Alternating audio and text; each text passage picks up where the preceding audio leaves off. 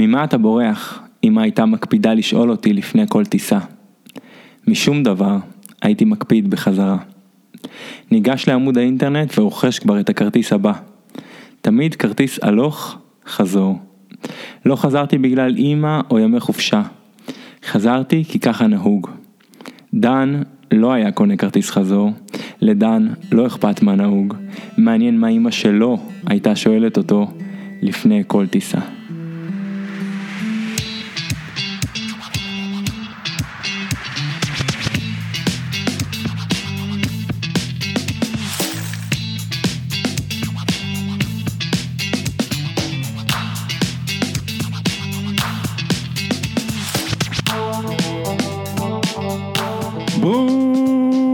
ברוכים הבאים לפרק השלישי של החברים של משיח. אני אסף משיח ועברתי מסלול חיים די סטנדרטי, בית ספר, צבא, טיול, לימודים, עבודה. פגשתי במסגרות האלה אנשים מגוונים שהפכו לחברים שלי. אנחנו נפגשים לשיחה שנותנת ביטוי לצורת החשיבה שלהם דרך נושא שקרוב לליבם.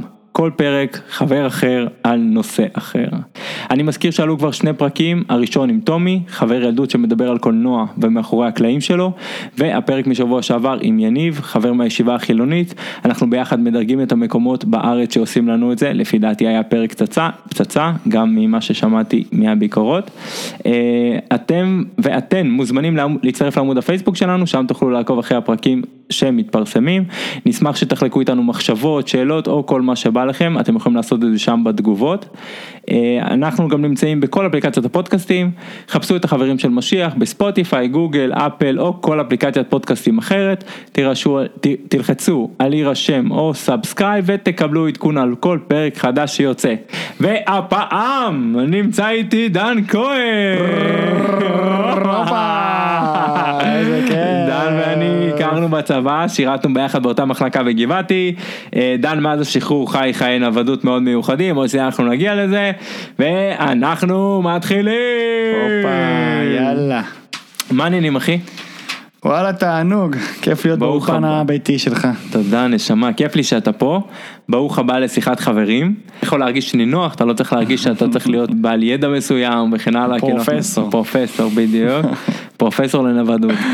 אה, אז לפני שאנחנו מתחילים בפרק הזה, לפני שאנחנו נוגעים בו, אתה העברת לי ביקורת על המקום הקודם, אה, אני בחרתי את חברון בפרק הקודם כמקום המועדף עליי בארץ ישראל, או שהכי עושה לי את זה.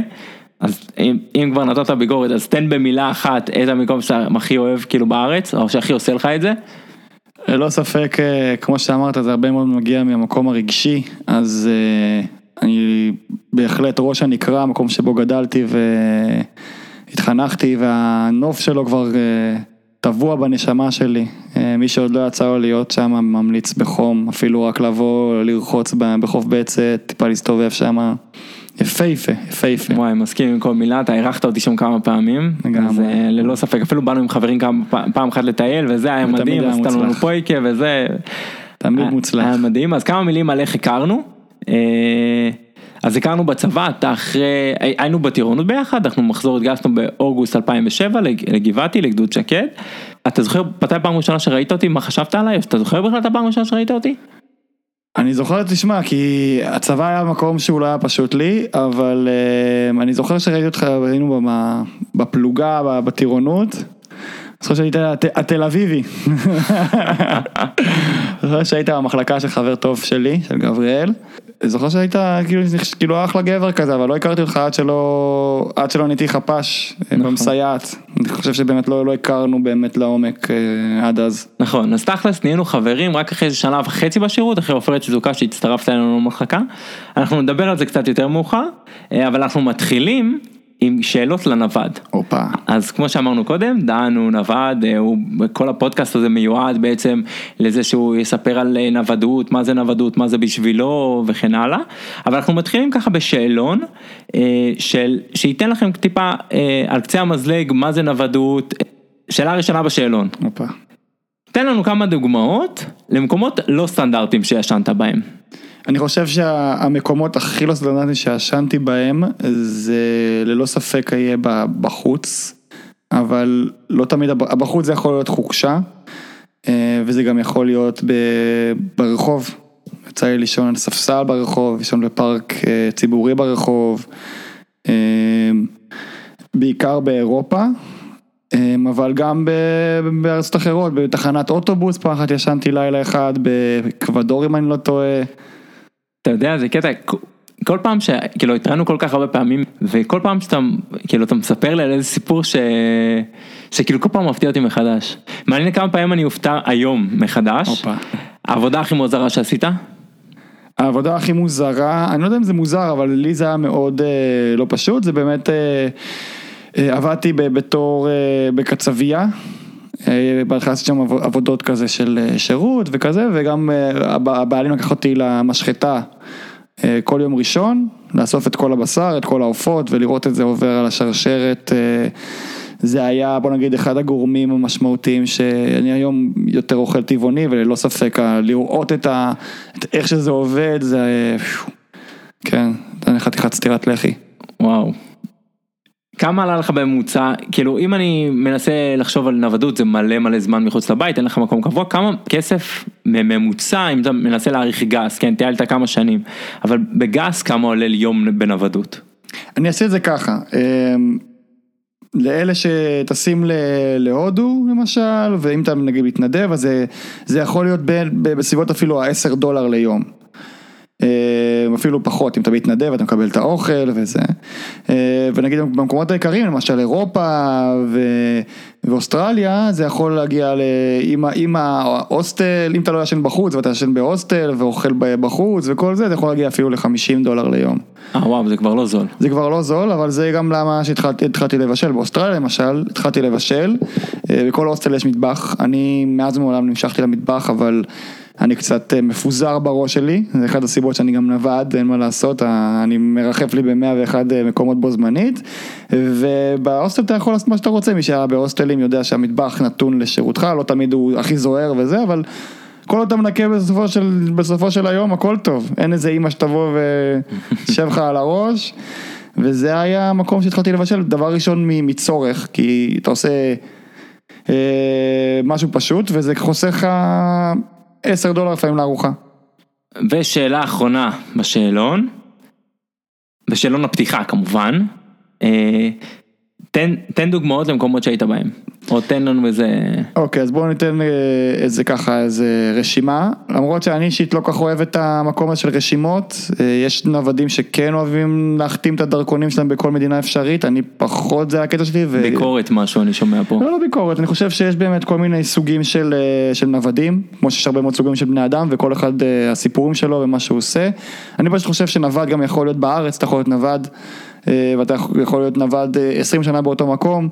אז, אז זה לא קריטי, אבל בוא נגיד אם נעשה ככה איזה רשימה ככה שתצלצל יפה לשומעים, אז uh, התחלתי בהונדורס פעם ראשונה, ניקרגואה, הייתי במוסקבה, הודו, נפאל, בנקוק, אוסטרליה, ניו זילנד, הונגריה, איטליה, גרמניה, אוסטריה, יוון, כריתים, הולנד, אנגליה, צרפת, ספרד, אפילו באביזה, שזה בספרד בעיקרון, אבל זה אי, שיש לו את הכבוד שלו.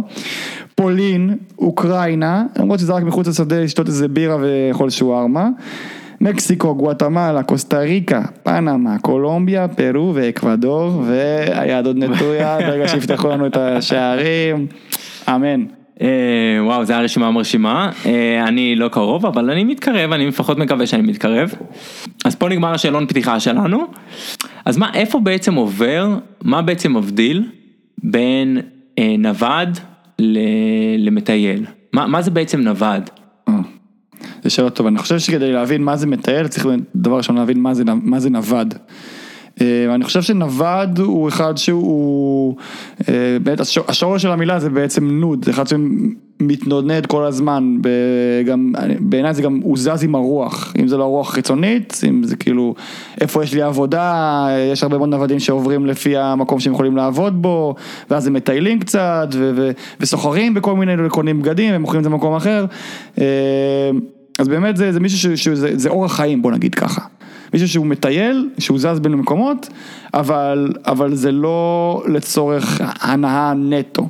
הוא כבר חי את, ה, הוא חי את הדבר הזה. לעומת טיול, שהוא פרק זמן קצוב, שכמו שאמרת, אני קונה כרטיס אה, טיסה חז, אה, חזור והלוך, כאילו הלוך, הלוך חזור. אה, והכל מתוכנן, יש לי בעצם רשת בטיחות, אני, יש לי תקציב ידוע, יש לי מקומות קבועים, אפילו כל המלונות מוזמנים, אה, כמובן לא מוריד מזה, אבל זה, זה מאוד אה, שונה גם mind. אבל מה- משהו שאני לא מבין, זה נכון, טיולים הם נחשבים כאילו מגניבים, זה כיף, זה אפילו סמל סטטוס, ונוודות הרבה פעמים נתפסת כהפך הגמור, כמשהו שהוא, הוא איבד את זה, הוא, הוא לא, הוא מוזר, אנחנו האוטסיידרים. אאוטסיידרים, מה, מה, מה, למה, מה, למה זה נגרם בעצם?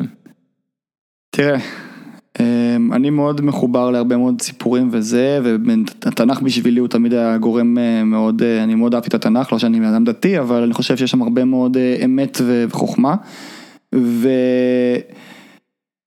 וגם אה, יש סיפור על שאול שהוא מתחיל להתנבא וזה, והוא, ואז באו אליו ואמרו, מה, הצטרפת לנביאים כזה, בקטע של מה, התחלת להשתגע. ואני חושב שהנוודים באיזשהו מקום אנחנו קצת ה- ה- הנביאים של, ה, של החברה, אנחנו מחפשים את, את האמת, רוצים לראות תרבויות. אמ, אני באמת, אני חושב על עצמי שלא הייתי מהנוודים הקשוחים, כאילו יש אנשים שפגשתי ושמעתי סיפורים שלהם שחצו יבשות בטרמפים ו, וישנו אצל אנשים בבית, אפילו במדינות אה, אויב כביכול, או מדינות ערביות, מדינות כאילו בעולם שלישי, ובאמת... אה, פעם אני פגשתי, אם אני מתפרץ רגע לדבריך, פרץ. בדרום אמריקה שאני טיילתי, פגשתי בדרום, אה, ממש בדרום דרום אמריקה, באזור פטגוניה מי שמכיר, חצי עם ישראל טייל בדרום אמריקה, זה בטח הרוב מכירים, אה, פגשתי אמריקאי שהגיע מקליפורניה. עד לקצה של העולם, כאילו את כל יבשת אמריקה, מצפון עד דרום, הרבה עושים את זה. בטרמפים, בלי כסף לאוכל, כל הכסף, אה, כאילו, או- אוכל או שהוא לוקח או שהוא מחפש בפחים, משהו מטורף, זה היה, כאילו, אני לא האמנתי שהוא מספר לי את זה.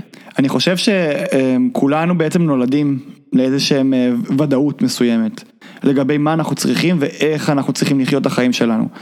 ובעצם הנוודות, מה שאנחנו אומרים זה בעצם, ומה אם כל זה לא נכון?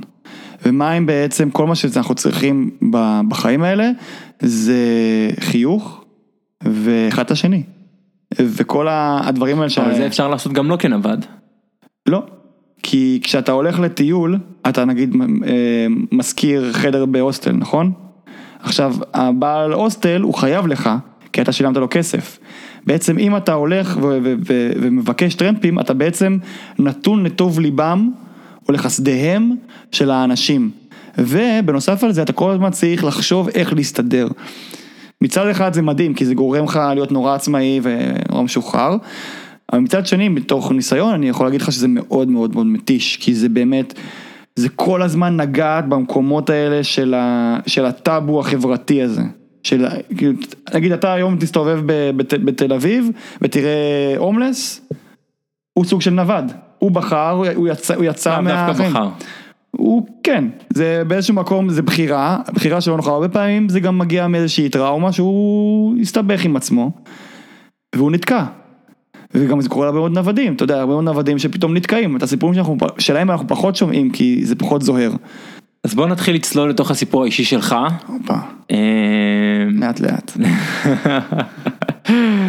אז מה, מה היה בעצם, ה, ה, מה, מה שפתח את הדלת, מה היה הטיול הראשון, אה, הפעם הזאת שאתה מבין, או, או שזה לא היה בטיול הראשון, לא יודע, תגיד אתה, שאתה מבין שאוקיי, זה החיים שכרגע אני חי, החיי נוודות, החיי שאין לי חוסר קרקוע, אין לי בית כרגע. טוב, אז אני חושב, הטיול הראשון יש לו השפעה על זה, אני חושב ללא ספק, כי... אני חושב שאולי כמו שאמרתי מקודם, אחד ההבדלים בין, בין טיול, שהכל מאורגן והכל ידוע לבין נוודות, שאתה, במיוחד אם אתה עושה את זה לבד, כי הרבה פעמים, הרבה פעמים, הרבה פעמים פעמים נוודים מטיילים לבד, אמ, זה בעצם בזה שאתה צריך להסתדר, שהכל נתון ל... לרצונך, אתה רוצה עכשיו לקום וללכת, אתה יכול לקום וללכת, אין, אין לך שום התחייבות, שום דבר. אמ, וכשטסתי פעם ראשונה להונדורס, זה, זה היה באמת טיסה עם, עם יעד ברור, טסתי שלושה שבועות, שבועיים מתוך זה הייתי עם בן דוד שלי, אה, טיילנו בהונדורס, הוא אחר כך חזר, הוא באותה תקופה הוא היה חייל בודד ב- בישראל, ההורים שלו גרו בהונדורס. וכשהוא הלך החלטתי ללכת לניקרגואה, שם הסתובבתי, אה, באמת שהיו לי שם חוויות מדהימות, היו גם חוויות לא פשוטות, גם למדתי לגלוש פעם ראשונה. אה, היום אני גם מדריך גלישה, אז זה התקדם מאז. אני חושב שזו הייתה הפעם הראשונה שכאילו, פתאום הרגשתי מה זה להיות ב, בחופש טוטאלי. אה, וזה היה כאילו אולי הנגיסה הראשונה. ואני חושב שאחרי שסיימתי את השנתיים שלי באוסטרליה, אז באמת הרגשתי כאילו העולם פרוס לפניי. והיה רגע, לי... רגע, שנייה לפני אוסטרליה, אז אתה חוזר מהטיול הזה של חודש, נכון, בהונדורס או במרכז אמריקה, וכשאתה חוזר מהטיול, אתה כבר מבין שאתה הולך לצאת לעוד טיול, או שאתה הולך לצאת ולא לחזור, מה, מה, מה, מה קורה שם? אפשר להגיד שאולי הבנתי והתכחשתי לזה. אוקיי. שאתה יודע, בסופו של דבר כולנו רוצים להיות, אה, לא יודע רוצים להיות נורמליים, אבל אנחנו שואפים לנורמה באופן כללי, ואני רציתי להיות, ב, לעשות טיול ב, בדרום אמריקה, כמו כולם, נורא עניין אותי גם התרבות. ורציתי לעשות כסף, חשבתי שבאוסטרליה אני אעשה את הכסף מהר, אבל העובדה שלא הרבה אנשים עשו את ההחלטה אותי. אני מכיר הרבה מאוד חברים שלי שהיה להם שתי דרכונים זרים, לי הדרכון האנגלי, אז זה אפשר לי באמת לעבוד באוסטרליה, אבל זה לא כזה קל כמו שאני חשבתי, וגם זה לא שהלכתי לעבוד באיזה חברת עגלות במשך חצי שנה, שנה, כמו נגיד, למשל אחותי עשתה את זה, שזה שם באמת כאילו, זה לא שאתה עושה כסף בקלות, זה, זה דורש, זה עבודה מאוד קשה, לא מזלזל, אבל יש לך איזושהי ודאות, יש לך אנשים שדוברים את השפה שלך, שבאים מאותה תרבות שלך, כשאתה נבל אתה צריך ללמוד להסתדר עם, עם אנשים אחרים, או יש לך איזשהו רצון לעשות את זה. היית נווד בערך חמש שנים, אז אוסטרליה זה המקום הכי משמעותי שהיה מבחינתך? אני חושב שבאוסטרליה התהוויתי באיזשהו מקום. זה היה מקום של, שכאילו נשברו לי הרבה מאוד... מחסומים? מחסומים וצורות הסתכלות על, על דברים שנראו לי מאוד תן ברורים. תן לנו דוגמה של מחסום אחד נניח. להסתדר בלי, בלי כרטיסי אשראי ובלי כסף מזומן, במקום שהוא חדש לי. אמ, שקודם כאילו זה לא הייתה אופציה בכלל. לא. עדיין זה לא נראה לי אופציה עד היום.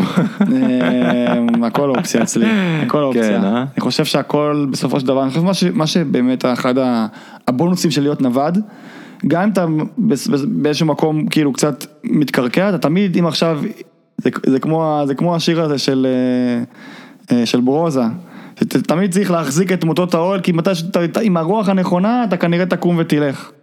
אז אתה, אתה תמיד יכול להסתדר בכל סיטואציה, כאילו אתה, אתה, אתה, אתה יודע שאתה לא צריך הרבה כדי, כדי לשרוד. כן, בכל מקום. זה, זה הדבר אתה אומר הכי משמעותי שלומדים בנוודות. אני חושב שכן, פשטות. פשטות והרפתקה, כאילו, כל דבר, בכל דבר קטן יש, יש הרפתקה. אז מה, מה המקום הכי מיוחד או שהכי ריגש אותך בכל המסע הזה שלך, מה, הכרת את האנשים הכי מיוחדים, הייתה לך את החוויה הכי מיוחדת שעד היום אתה נזכר בו, או לא יודע, כל דבר כזה? אני חושב, המקום הכי משמעותי שהיה לי זה במדיעין, קולומביה. אמ, יש, הייתי, אה, וואלה. הייתי שבוע. אני, כן. אני בטוח שלא כמוני. סביר להניח. אה, איפה ישנת שם סתם נניח? אז, אז ישנתי, אני לא ידעתי את זה בהתחלה, אחר כך גיליתי את זה, שזה שכונה אחת הקשוחות במדיעין. אני היה לי ממש כיף עם האנשים שם, אה, באיזה בית של קורפורטיב. אה, בעצם הסיפור מתחיל באמת בנפילה. אני חושב שרוב הסיפורים הטובים של, של חיי, רוב הטובים של, שחוויתי גם התחילו באיזשהו רגע שפל, שגנבו לי תיק אה, עם כל הדברים החשובים שהייתי, שהיה לי, לפני שיצאתי לטרק, אה, כולל שתי הפספורטים שלי, שעם הפספורט האנגלית הייתי אמור לטוס דרך ארה"ב. וואי, איזה סלט. כן, סלט רציני, אבל האמת שבאותו רגע, נקצר ואגיד ש... שכל זה קורה לך אחרי... כמה שנים של מסע כבר? שלוש שנים, משהו כזה. זה כבר אחרי שלוש שנים? שלוש, שלוש כן, משהו כזה, שלוש ארבע שנים. כאילו כבר אתה נווד מנוסה בשלב הזה. כן, נווד מנוסה, אה, ובאיזשהו מקום היה לי גם, היה לי מצלמה מאוד אה, רצינית וזה, ו... והרגשתי כאילו שאני כבר רוצה כזה קצת להיפטר ממנה, כי היא קצת הכבידה עליי, והרגשתי כזה גרינגו, הרגשתי תייר, ואחרי שכל זה נאבד לי, נגנב לי, אז, אז פתאום הרגשתי נורא מאושר. כאילו אמרתי, הופה, אני, אני עוד פעם, אה, אני עוד פעם חופשי מכל, ה, מכל הרכוש הזה ואין לי כבר יותר מה להפסיד. אבל נורא רציתי את, את הפספורטים שלי וזה רק בבוגוטה וידעתי שבוגוטה היא קשה. אז בגלל זה לפני זה יצאתי לאיזה אה, עיירה קרובה גם כן בצפון, בצפון קולומביה. ושם פגשתי איזה בחור, אה, כאילו פגשתי מלא חבר'ה שם, כולם היו קולומביאנים, והיה לנו אחלה, אחלה טיים. ו... ואחד החבר'ה אמר לי, אם אתה מגיע למדיעין, תרגיש בבית, תדבר איתי, תבוא. הייתי בבוגוטה, הצלחתי איכשהו לסדר שמצאו כביכול את, ה... את הדרכונים שלי, בגלל שזה דרכון ישראלי אז, אז הם מאוד רוצים לעזור לך. אה, וואו. אז, מצ... אז שתי הדרכונים שזה אם לא זה היה הרבה מאוד כסף, זה הסלט רציני. לא, כי עשית ככה מרכאות, מה זה אומר מצאו? כי המשטרה קיבלה שיחה ממישהו שמצא את הדרכונים בפח זבל, כל, השאר, כל שאר הדברים נעלמו. אה, אני, אני חושב שפשוט מי שגנב הבין שאת הדרכונים, כמה, ש... כאילו, אי אפשר, קשה לזייף אותם. קשה לזייף דרכונים. אז לפחות הוא החזיר את זה, אתה צריך להגיד לו תודה. תודה. אולי זה המקום להגיד לו תודה. אם הוא שומע אותנו, קרלוס. סנטנה. לא, לגמרי, לגמרי. אז איך זה ממשיך? ואז אתה מגיע... ואז אני אומר, אוקיי, הדרכונים אמורים להגיע עוד איזה שבוע או משהו כזה, אני אלך למדיעין, אני אראה עוד מקום, קצת קצת יוריד הילוך. הגעתי למדיעין, מגיע לדירה, פותח את הדלת, נכנס פנימה, אני רואה מולי, פאף, מטבח ענק, מטבח תעשייתי. מסתבר שהחבר'ה הם, בתור קורפורטיב עושים בעצם אוכל רחוב, זה נקרא פיצה קון, זה נראה לי גם היה פה קצת בישראל, פשוט גביע כזה, ובתוכו כמו פיצה כזה, משהו מוזר כזה, חמוד, לא יודע. סבבה. שהם מתפרנסים ככה מתפרנסים? הם ככה התפרנסו, כן, עשו, מכרו את זה ברחוב שלהם. פיצות שהם קונוסים? כן, כאילו קונוס ובתור, כמו גלידה אבל פיצה. אשכרה. כן. זה חמוד. ואני ישר כאילו, אני רואה מטבח, אני ישר כאילו, זה מדליק אותי. ואמרתי להם, תשמעו חבר'ה, אני כאילו, אני מאוד אוהב לבשל, אבל אני מבשל אה, טבעוני. וזה, וגם אני בא לבשל לכם גם אוכל ישראלי וכזה, אמרו לי, כן, מגניב, אנחנו דווקא נשמח ללמוד וזה. והיה לנו אחלה vibe ואחלה כאילו, אחלה connection, וזה היה כזה מרפסת עם נוף כזה לכל העיר, וזה הרגיש כזה נורא אמיתי כזה. ואז הלכתי איתם לשוק, קניתי את כל הדברים, ומה שעשיתי, עשיתי את כל האוכל מאפס, כאילו הכנתי טחינה מסומסום שהשריתי, ואז הכנתי עם זה גם חומוס וסלטים והמבורגרים צמחונים כאלה, והכל כזה ארוחה טבעונית כזאת צמחונית. מלא שפע של דברים.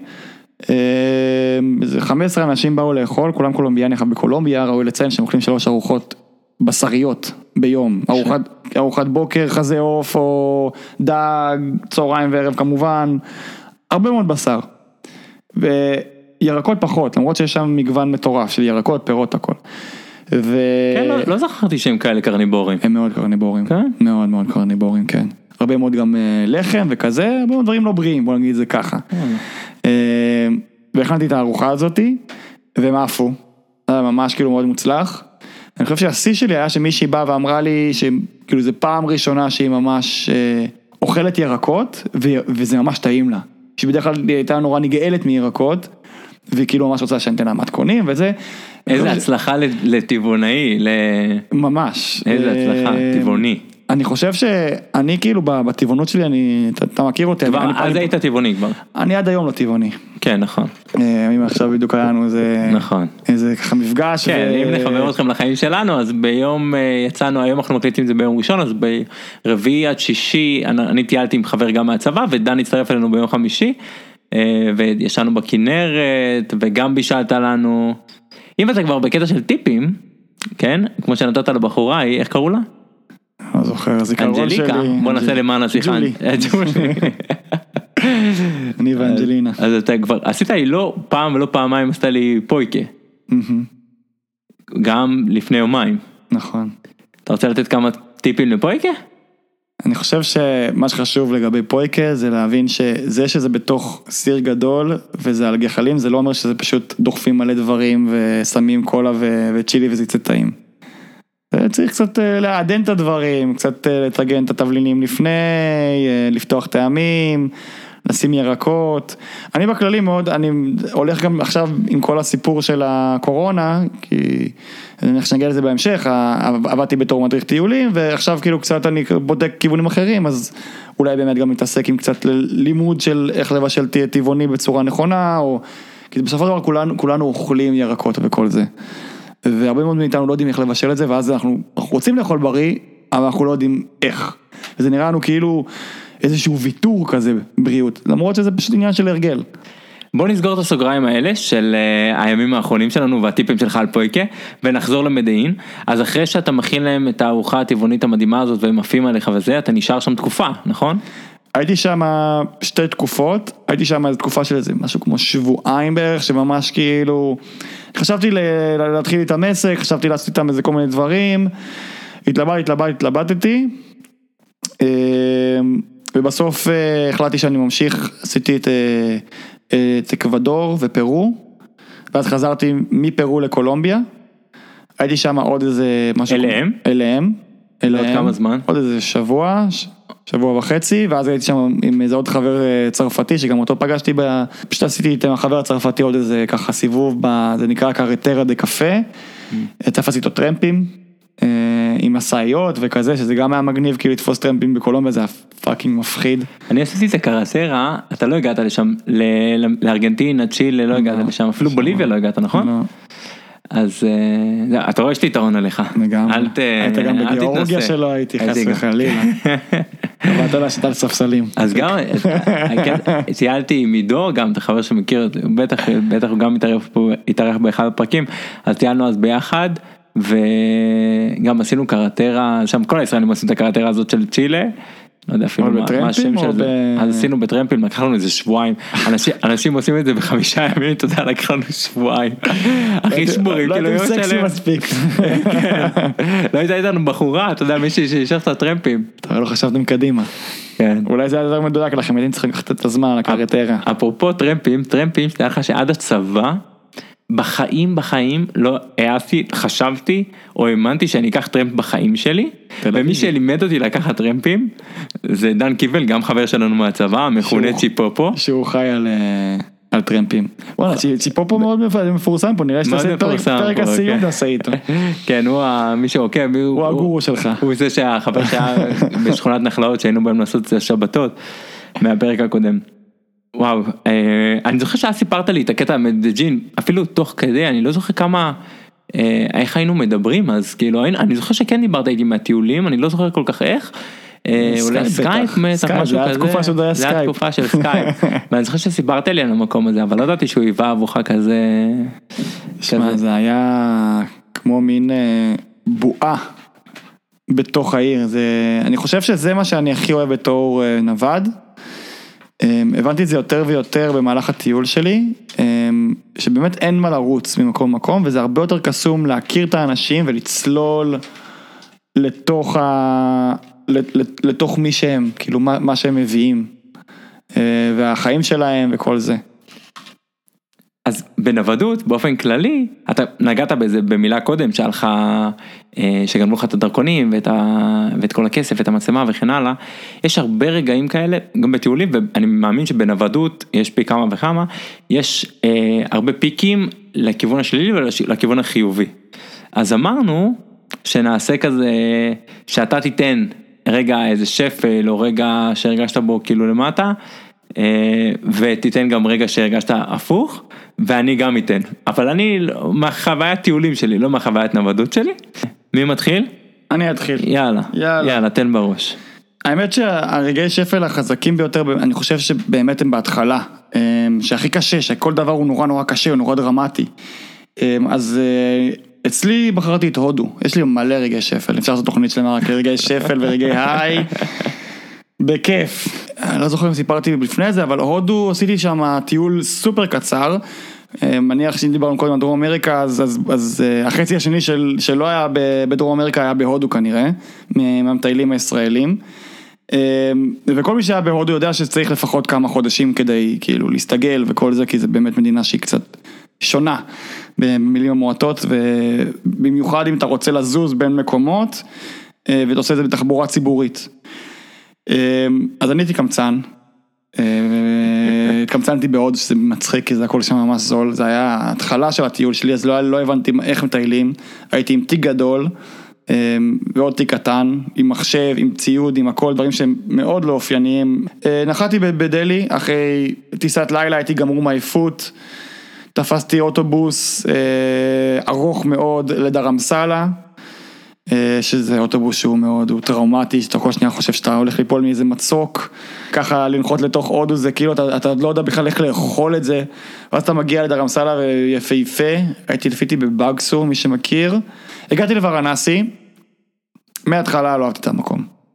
אה, אם אתה אהבת את חברון, לך וורנסי, וורנסי זה כאילו חברון פי עשר, רק בלי חיילים, אבל בלאגן, אה, מלא סמטאות, מלא עניים, מלא פרות, המון פרות, בכל מקום, זה אומר גם הרבה מאוד חרא של פרות בכל מקום.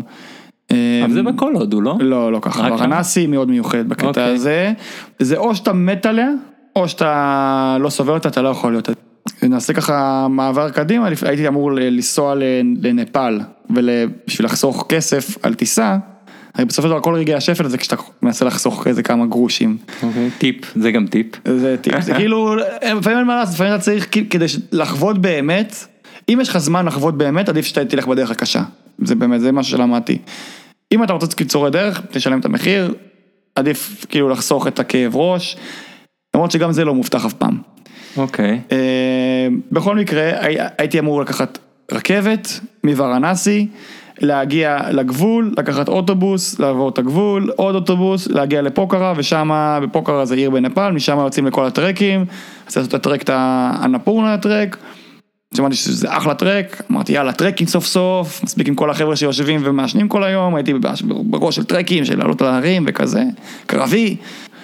אה, מה שקרה זה שבעצם, אה, בגלל שלא יכולתי ללכת לאיזה מסעדה בחוץ, אה, הזמנתי צ'אי כזה, בתוך, בתוך המלון, וכנראה שהחלב לא היה טוב, אוי ואבוי, אוי ואבוי. וקיבלתי קלקול קיבה של הסמכות, אוי ואבוי. ולא היה לי סטופית, ופשוט כל דבר שנכנסתי לתוך הגוף, עד רמת המים, אחרי חמש שניות, בוף, אני צריך ללכת. לשירותים, כמו, וזה יוצא כמו כאילו, כאילו כמו שזה נכנס, ככה זה יוצא.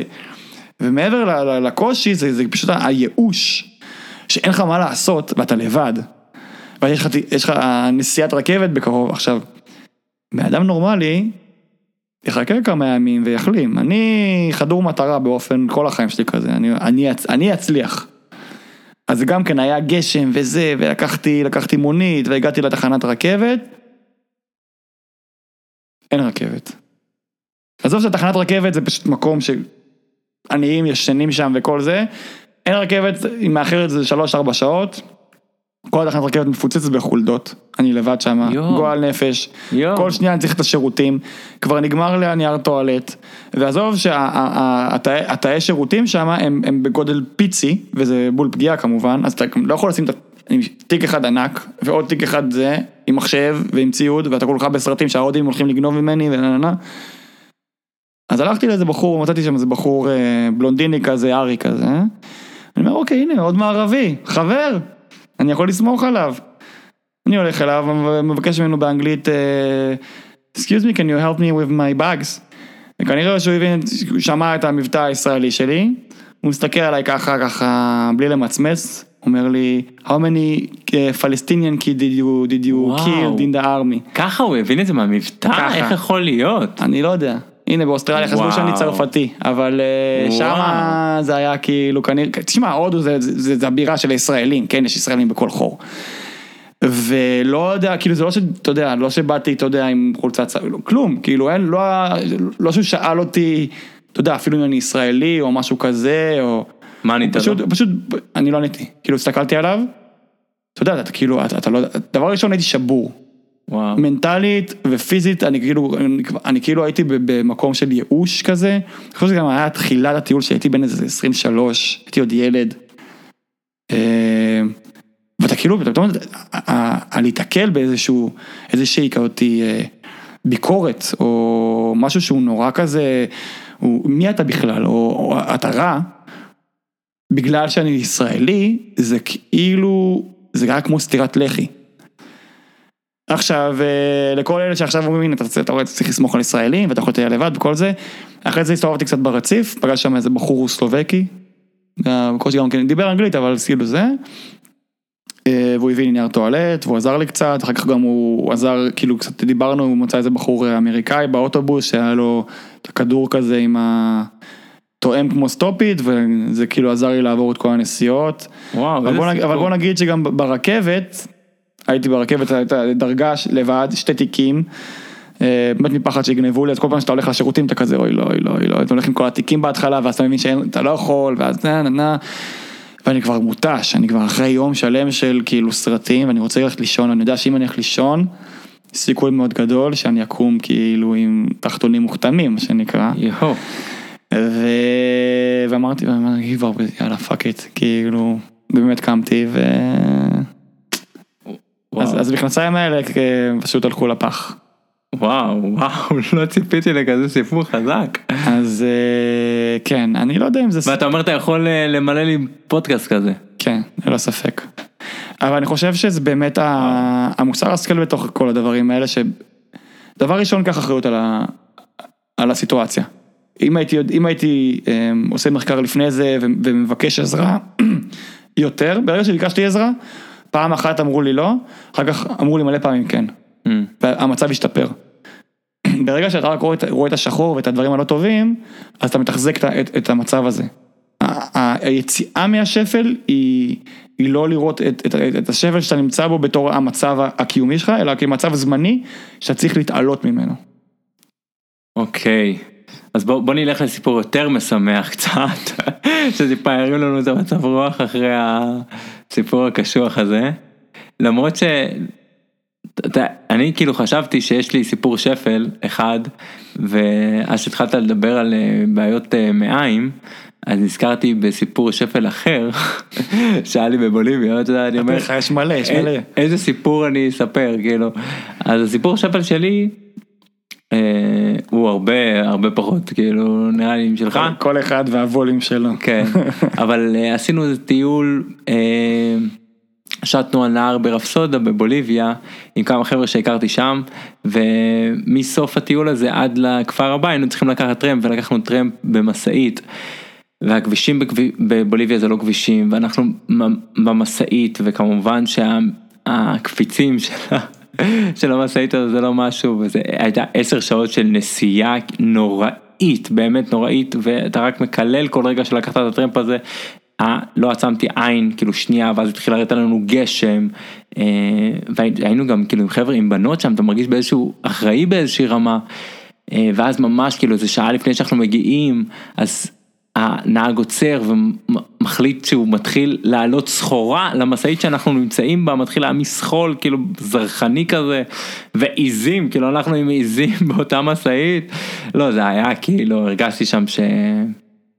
וואו. באמת, זה, הגעתי, הייתי קרוב, קרוב, זה הכי נמוך נראה לי שהגעתי. אה, אבל אני אלך לרגע היי גם, ואז אתה תיתן גם את שלך. אה, דווקא הרגע היי שלי הוא רגע מאוד נינוח. הייתי בקולומביה, דיברנו על קולומביה קודם. אה, אני לא זוכר איך קראו לכפר הזה, אבל לא היה, זה הוסטל שאיזה חווה חקלאית כזאת, הייתה מאוד כאילו נחמדה. והיה להם ארסל ומתוך הארסל אתה ממש יש עמק כזה והר שאתה ממש יש תצפית מטורפת על ההר ובחושך כאילו שיורד הלילה כל ההר הזה מוצף בגחליליות mm. פשוט זוהר wow. זה היה רגע כאילו wow. כל ערב זה היה ככה. והיה כאילו רק להיות שם על הארסל ולהסתכל על ההר הזה זה היה רג, רגעים מיוחדים פשוט wow. רגעים מיוחדים. אני חושב שלהרבה מאיתנו רגעי ההיי בטיול, שזה גם מה שכל כך מושך אותנו להמשיך ולטייל כל הזמן, זה באמת החיבור הבלתי אמצעי הזה עם הטבע. עכשיו אם אני גם, לפני שאני מתחיל עם ההיי שלי, אני חשוב לי להגיד, כי זה, זה, זה נורא מתחבר לי מה שאמרת, בסופו של דבר, אם אתה חייב, מי שתפתח שיחה על הטיול שלך בדרום אמריקה, איזה רגעים תספר לו? כנראה שהרגע, רגעי השפל, זה, זה הרגעים שתספר. כי, כי זה הרגעים שאתה זוכר בסופו של דבר. תמיד זה מה שנחרט. אנחנו תמיד נזכור, אנחנו הרבה יותר נזכור את הדברים הרעים שקרו לנו, אבל אנחנו גם נזכור את הדברים הממש טובים. אבל הדברים הרעים שהיינו צריכים להתמודד, זה הרגעים שתמיד ניקח איתנו. את הקצוות, את הקצוות. הקצוות. אני חושב שזה נכון, בכל דבר בחיים. זה יותר מזה, גם זה המקומות שבאמת באמת הרגשנו. אתה מבין? אז, mm. אז תמיד כשאנחנו נמצאים באיזשהו קצה, וטוב לזכור שבסופו של יום זה, זה, זה משהו שישאר איתנו, ו, ו, ויש שם איזשהו שיעור שאנחנו יכולים ללמוד. אמ, זה נכון גם ליום יום, כאילו גם שחרר לי בעבודה ועוד זה לא יודע, חברה שלי אז בא אותי וזה, אנחנו צריך, צריך לזכור שזה... כן. משהו שהוא בא ללמד אותי. זה חלק מהסיפור חיים שלנו. בסופו של דבר, אנחנו פה לרגע, ו...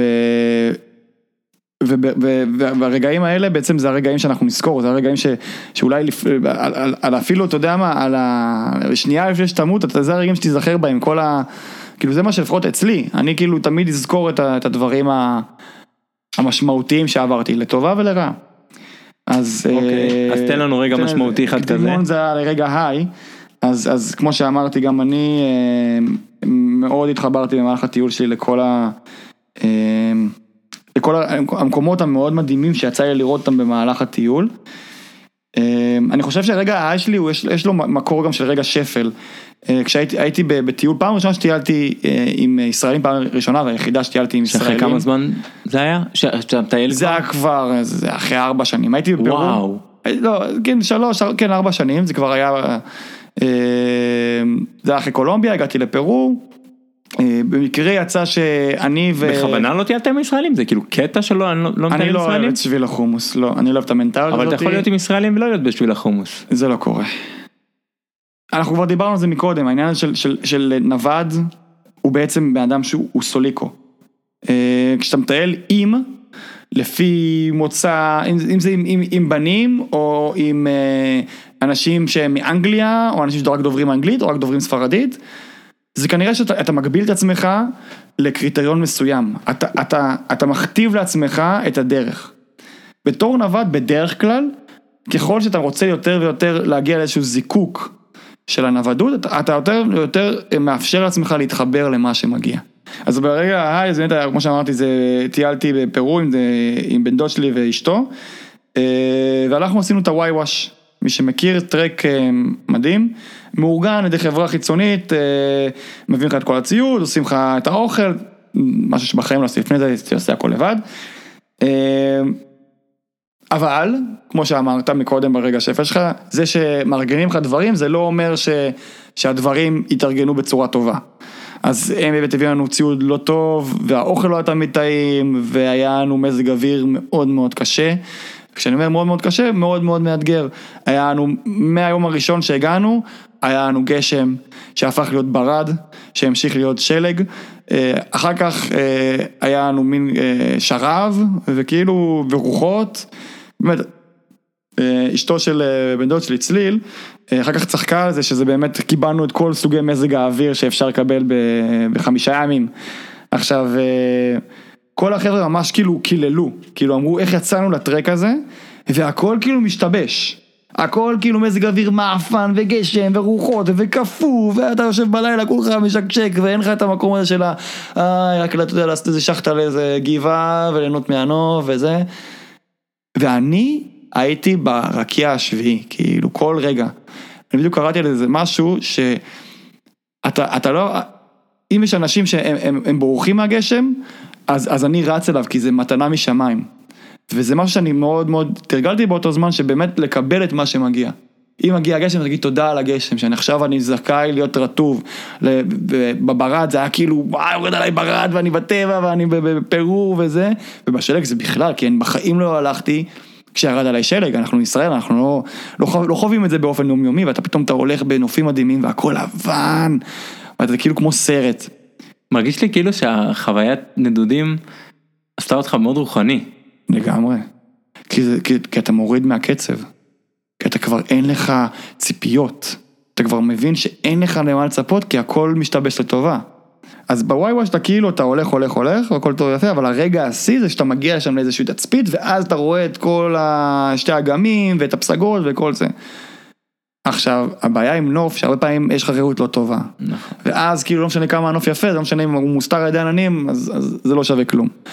עכשיו בנוסף על זה, כדי להגיע לפסגה הזאת יש לך טיפוס בן זונה, כאילו אתה צריך לעלות, גם יש לך שיפוע מטורף, דרדרת, קשוח מאוד. אמ, יצאנו שתי קבוצות, הקבוצה השנייה, המדריך שלהם שכנע אותם לא לעשות את הפסגה כי הוא מתעצל. אצלנו כאילו כולם רצו לעשות את הפסגה, חוץ מזה מישהי שבסוף לא, לא טיפסה, אבל כולנו גם טיפסנו. ואתה יודע, אחרי כל מה שעברנו, ואז אנחנו מטפסים למעלה, ואני כאילו בטירוף, כאילו מטפס, רץ למעלה, כאילו כולי מגיע, נשימה אחרונה, כזה, ואתה ממש, אתה לא רואה את זה עד הרגע האחרון שאתה מטפס, מטפס, מגיע לצד האחרון, פתאום זה נפתח לך כל הנוף הזה, והכל היה כאילו בגלל שאתה יודע, האוויר התנקה מהגשם, וכל הפסגות היו מושלגות מהשלג שירד. ואני פשוט ראיתי את כל זה ופשוט נפלתי על הברכיים שלי, ופשוט אמרתי תודה. כאילו הרגשתי, כל הגוף שלי הודיה עמוקה לבורא, לחיים, כאילו הרגשתי איזה מין קריאה פנימית של תראה איך הכל באמת לטובה. ואיך כאילו הכל פה בשבילך כאילו, ופשוט הסתכלתי על זה והרגשתי פשוט שלמות, הייתי כאילו ב, ב, ב, ברגע אחד של, של התעלות, של נירוונה, של כאילו חיבור טוטאלי עם אלוהים, פאצ'מאמה, איך שלא נקרא לזה. מרגיש לי שאתה ממש חווה את זה עכשיו, כאילו אתה ממש עושה את זה. אני ממש שמה, כן. אני, כאילו כל פעם שאני נזכר בזה, זה כאילו, תראה, זה לא רגע יחיד. אני חושב שגם חוויתי, חוויתי את זה עם אנשים, זה, זה, אני חושב שיש בזה משהו של uh, סינרגיה, של חיבור עם, ה, עם כל מה שקורה. וזה איזושהי, איזשהו שחרור של כל ההתנגדויות האלה. כשאתה רואה את זה, שאתה עובד עם ילדים הרבה מאוד פעמים, שהם הם, הם שמחים לגמרי, והם כועסים לגמרי, הם, בלי פילטרים. כן. אז, אז זה מבחינתי איך גם, ומסכם את איך שכל הרגעי שפל, בסופו של דבר, אם אנחנו מקבלים אותם, ונותנים להם מקום, במקום להילחם בהם, אז בסופם יגיע הרגע הטוב, אנחנו נקבל אותו ב... חיכיתי לך כל כך הרבה זמן, זה כיף שבאת, כאילו, היית צריך, בדיוק הייתי צריך שתבוא עכשיו. וואו. אמ, אז בוא נעשה רגע הפסקה מהסיפורי טיולים וחוויות, ונלך אחורה לתקופה של השירות הצבאי, שבה הכרנו, בעצם נגענו בזה בשתי משפטים בהתחלה. ונראה לי, תגיד אותי אם אני טועה, שיש לו קשר ישיר בעצם על כל החוויות, אה, הוא בעצם אולי גם אחת הסיבות שבעצם התחלת את הנדודים האלה. אז כמו שאמרנו קודם, כאילו הכרנו בגבעתי, במחלקה במסייעת בגדוד שקד. אה, אחרי שנה, אחרי עופרת יצוקה הצטרפת אלינו למחלקה שנשאר לנו בערך עוד שנה וחצי לשירות. אנחנו הכרנו עוד מהטירונות אבל לא היינו חברים. אה, והתקבלת אני חושב בברכה למחלקה. אה, הוא צדק בשמירות, מה? קודם כל, קודם כל, הכי חשוב, הכי חשוב. בוא נשים את הדברים במקומם. הכי חשוב, הכי חשוב לא צדק. אה, לא מזמן גם חגגנו עשור, חגגנו עשור לשחרור שלנו. הייתי קצת צריך לשכנע אותך להגיע, כי אתה קצת כזה בורח מדברים של צבא, לא רצית להיכנס לקבוצת וואטסאפ שלנו, ולא, אתה לא עושה מילואים. אבל הגעת בסוף, ועשינו, היינו, לא יודע, 16-17 חבר'ה, ועשינו שתי לילות בירדן, והיה מדהים. וגם עכשיו ראיתי את זה, גם בטיול שטיילנו ממש לפני כמה ימים, וגם אז, ב, ב, עשינו, לפני כמה חודשים עשינו את הטיול עשור הזה. שאתה מגיע לשטח יש בך משהו אחר כאילו שנפתח, גם אם זה עם חברים מהצבא שמדברים על חוויות מהצבא וזה דברים שאתה פחות אוהב, יש בך משהו שרואים כאילו שאתה, שאתה בטבע עכשיו, שאתה לא בין, בין ארבע קירות וזה, ואתה פורח ו... באלמנט וש... שלי. כן, ממש, ואתה שם פרחת ספציפית בטיול הזה של העשור, ואני חושב שגם כולם ראו את זה, ואחרי זה גם באו ואמרו לי, וזה, זה היה... אה, זהו, אז מה, אתה רוצה לדבר קצת על איך, מה זה בשבילך הצבא, כאילו איך החוויה שלך מהדבר הזה, מה הזיכרונות שלך קצת? די קל, הצבא מבחינתי זה היה שלוש שנים של הישרדות. לא, באמת, מהרגע הראשון, אני כאילו, תשמע, הייתי מכינה קדם צבאית, אז גם הגעתי לגבעתי בתוך ידיעה, אם נגיד אשווה את זה לעולם הנוודות, שבנוודות לא היה לי באמת ידיעה מה אני עושה, אז, אז, אז בצבא באתי כדי להיות מפקד, אולי אפילו להיות קצין, מתוך איזה שהם אה, אה, אידיאלים שהכניסו לי ש, שזה הדבר הנכון לעשות. אה, מהר מאוד הבנתי שזה לא בשבילי. למרות שהייתי מאק. אבל... מה זה מהר מאוד? מתי אתה מבין שזה לא בשבילך? אני חושב שמההתחלה, אני פשוט, אני, אני פשוט, אני ממש, כמו שאמרתי, אני, אני מאוד עקשן. ומאוד רציתי להצליח, ומאוד רציתי להצליח. ואני חושב שכן הייתי מאק טוב בקטע של יחסי אנוש, אבל הייתי מאוד מאוד לבד. אמ, אני חושב שרוב האנשים שהיו מאקים יכולים להזדהות עם ההרגשה הזאתי, שאתה פשוט, אתה נורא נורא נורא בודד. אתה, אתה בין הפטיש לסדן, אתה, אתה מצד אחד, אתה לא עם החיילים שלך, והקצין שלך אומר, נותן לך פקודות, אתה צריך להיות לויאלי לקצין ולמערכת, אבל אתה גם לא רוצה לדפוק את החיילים שלך, ואתה לא יכול להיות חבר שלהם יותר מדי, שהם לא ינצלו את זה, וכאילו יש לך מין כזה פיצול אישיות כזה, ואני זוכר שהרגשתי נורא לבד, וכאילו, כמו בית כלא כזה, שאתה אומר, אני רק רוצה שהזמן יעבור, ואני יודע שאני כאילו בחרתי להיות פה, אני זוכר, ממש, אני זוכר שהיה לי, אם חיברת את זה, אמרנו דיבור על החיבור הזה ל... לטיולים, אני זוכר שהיה לי כל מיני מחשבות כאלה גזורות של, באותה תקופה ממש האמנתי בהם של, אני חושב אף פעם לא, לא סיפרתי לך על זה, ש... אני זוכר שישבתי, שכבתי במיטה שלי במוצב בחברון, כזה גם יש לי הרבה מאוד משקעים לא טובים בחברון, שפשוט אני אמרתי לעצמי, טוב, אולי אני ביציאה הבאה, אני, אני אתגנב לנמל בחיפה, ואז אני אעלה לאיזושהי סירה, ואני, ואני אעבוד שם בתור טבח או משהו כזה, ואז אני ארד באירופה, ואז כאילו, אמרתי, לא, לא, ואז יתפסו אותי, וזה, ואני לא יכול לחזור לארץ, ואם אני, אי פעם אני רוצה להיות אזרח ישראלי, אני צריך לגמור את זה, וכל מיני צידוקים כאלה, שבטח ידעתי שזה גצור. אבל אני חושב שכבר בתוך המוח שלי, הבריחה שלי הייתה לחו"ל. התשובה לכל הכאב שלי היה, כשאני אהיה בחו"ל, אז, אז כבר הכל יתאפשר לי. אמ, אני חושב שזה למה, ברגע שהתחלתי לטייל, אז, אז אני נורא נורא הייתי בזה.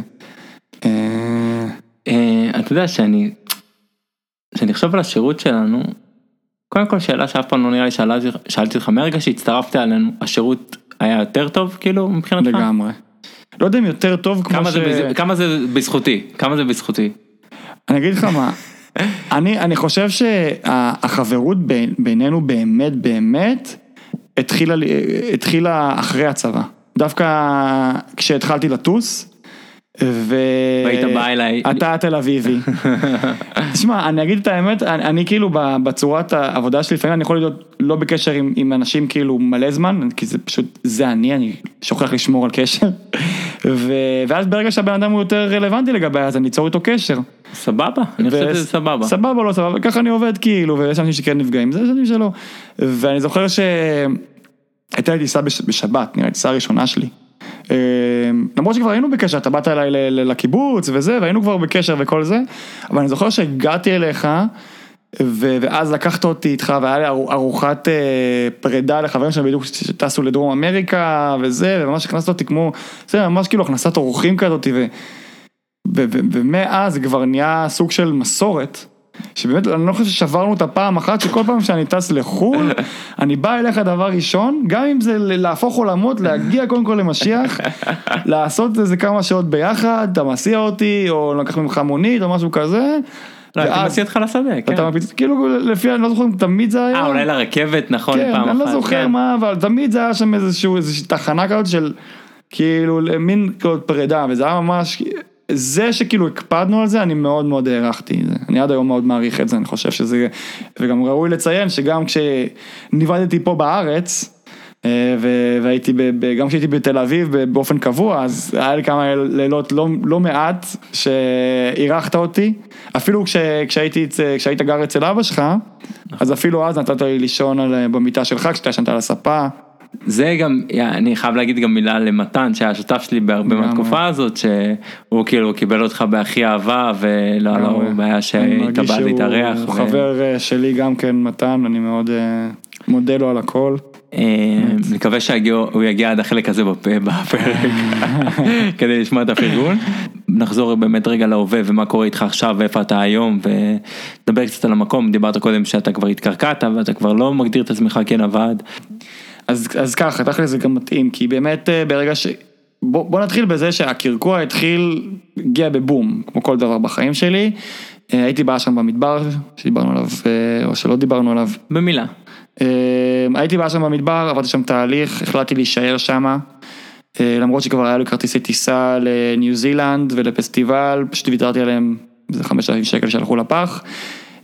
פשוט החלטתי שאני, הגיע הזמן לעבוד על עצמי סטטי, כאן ועכשיו, על מה שיש בפנים ולא עלה בחוץ. אה, ובסופו של דבר החלטתי באמת אה, ללמוד אה, קורס מורה דרך, שזה שנתיים וחצי של לימודים, קשים מאוד, גם גרתי בתל אביב, זה היה מאוד לא פשוט.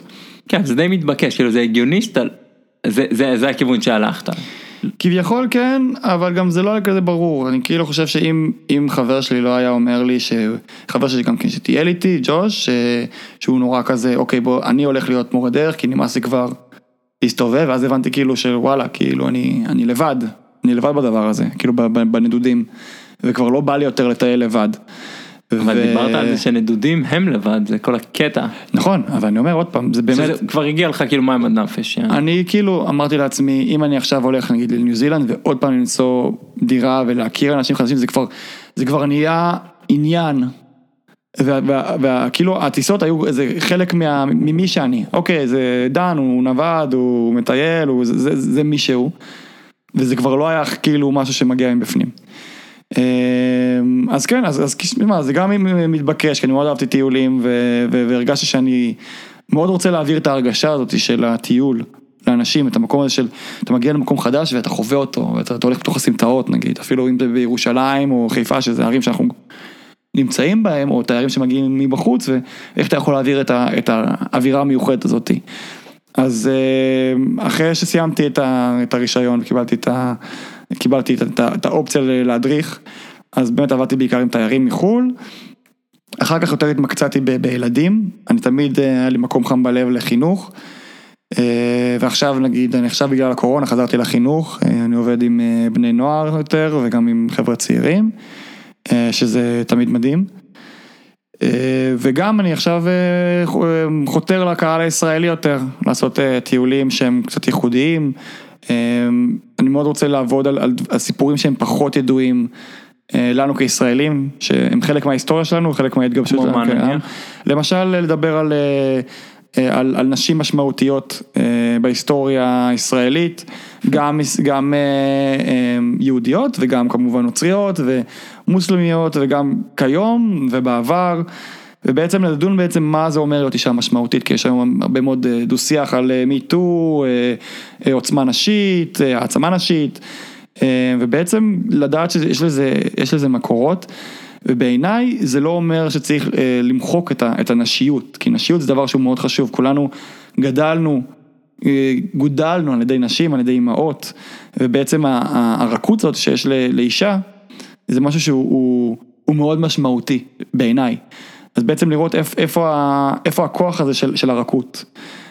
וגם לדבר על כל מיני ציבורים כאלה ואחרים, אם זה אתיופים, אם זה עלייה רוסית, אם זה אפילו עלייה תימנית שמזמן, כל מיני סיפורים שהם פחות נעימים, אבל הם חלק מאיתנו, ובאמת להבין ש... ש... שההיסטוריה היא, היא קרתה בעבר, אבל היא כל פעם מתקדמת, ואנחנו באמת ב... ב... במקום טוב. עם כל כמה שהיום לא פשוט עם הקורונה וההנהגה ויש מלא מלא ביקורת, באמת אנחנו נמצאים במקום טוב של יותר שוויון, יותר זכויות והזדמנויות, ובאמת היום אתה, עם, עם הליווי הנכון בעיניי, אתה יכול, השמיים הם הגבול, זה מה שאמרתי לנערים שאני עובד איתם היום, ש, שידעו שאיתי השמיים זה הגבול. ואני חושב שזה, אם נסכם, אז, אז, אז אם אני מביא את, את, את הנווד שבי, לכאן ועכשיו, לאיפה שאני נמצא היום, שבאמת בנוודות המקום היה, אני יכול היום לקום ולקנות כרטיס לארה"ב ולטייל בקליפורניה, ושום דבר לא יעצור אותי. אז, אז אני עדיין יכול לעשות את זה, אני עדיין יכול עכשיו לגרום לילדים שהם כביכול חושבים ש... מי הם בכלל, הם בני נוער והם, ו, והעולם שלהם מסתכם באינסטגרם שלהם ובטיק טוק שלהם וכל זה, ולבוא לתת להם אופציה של אתם יכולים לנהל אה, מסעדה, אתם יכולים, אה, אה, כאילו העולם כבר בכף ידכם, כל מה שאתם צריכים לעשות זה להחליט לעשות ולהתחיל ללכת בדרך, זה הכל. וואלה, הייתי רוצה שהילד שלי, שיהיה לי בעזרת השם, יהיה, יהיה, אתה תהיה המדריך שלו, יום אחד, אולי יום אחד זה יקרה. נדעת. טוב, אנחנו ממש מתקרבים לסיום. שאלה שאני מקפיד לשאול את כל האורחים, את כל החברים יותר נכון, מה החלום שלך? אני חושב שקודם נגעתי בו, אני חושב שבאמת החלום שלי הוא להיות חלק מ... מיצירת מציאות נכונה יותר, שבה בן אדם מרגיש שלחיות זה לא צורך או הכרח או מטלה קושי, אלא הזדמנות, הרפתקה, אתגר. והאישיות שלי, השוני שלי, הדברים שאני מביא איתי מהבית, הם הכלים שלי שבהם אני יכול ליצור את, ה, את, ה, את, את העתיד בעצם. אז אם זה באמת ליצור אה, אה, תנועת נוער, אם זה להיות חלק מההובלה המנהיגותית לתוך זה, רק ה- רק העתיד יבוא, אבל זה באמת ללא ספק האור שעומד מול עיניי. כי זהו, היה לי מאוד כיף. אה, גם לי מאוד. תודה רבה על ההזמנה, מרגש, אני מכבד מאוד. מכובד. אה, אז כל מי שרוצה לדבר עם דן, להגיב למה ששמעתם, אה, להזמין אותו להיות המורה דרך שלכם, אז אני גם אשים את המייל שלו בפרטים של הפרק, בתיאור של הפרק, וגם בקבוצה אה, בפייסבוק שלנו, אה, תעקבו אחריך, אחריה ותוכלו אה, להגיב לפרק. אתה רוצה להגיד עוד מילה? אה, הייתי רוצה להגיד בקשר לזה שבאמת אה, גם שאני לא מכיר וזה ויש לו שאלות אה, על הארץ, על חו"ל, אה, על נוודות, תרגישו סופר בנוח, אה, בקרוב גם יהיה דף פייסבוק טיפה יותר מעודכן עם כל מיני דברים, אני הייתי באמת שמח להכניס כל מיני דברים על הארץ וכזה, כל מיני עובדות קטנות ומגניבות, אבל באמת אה, הפייסבוק שלי פתוח ל- והמייל פתוח לשאלות, תרגישו הכי בנוח. מצוין, אז כל זה אמרתי, אתם יכולים למצוא אה, או בעמוד פייסבוק שלנו או בתיאור של הפרק. זה הכל אנחנו סיימנו. תעשו אהבה, לא מלחמה. ביי.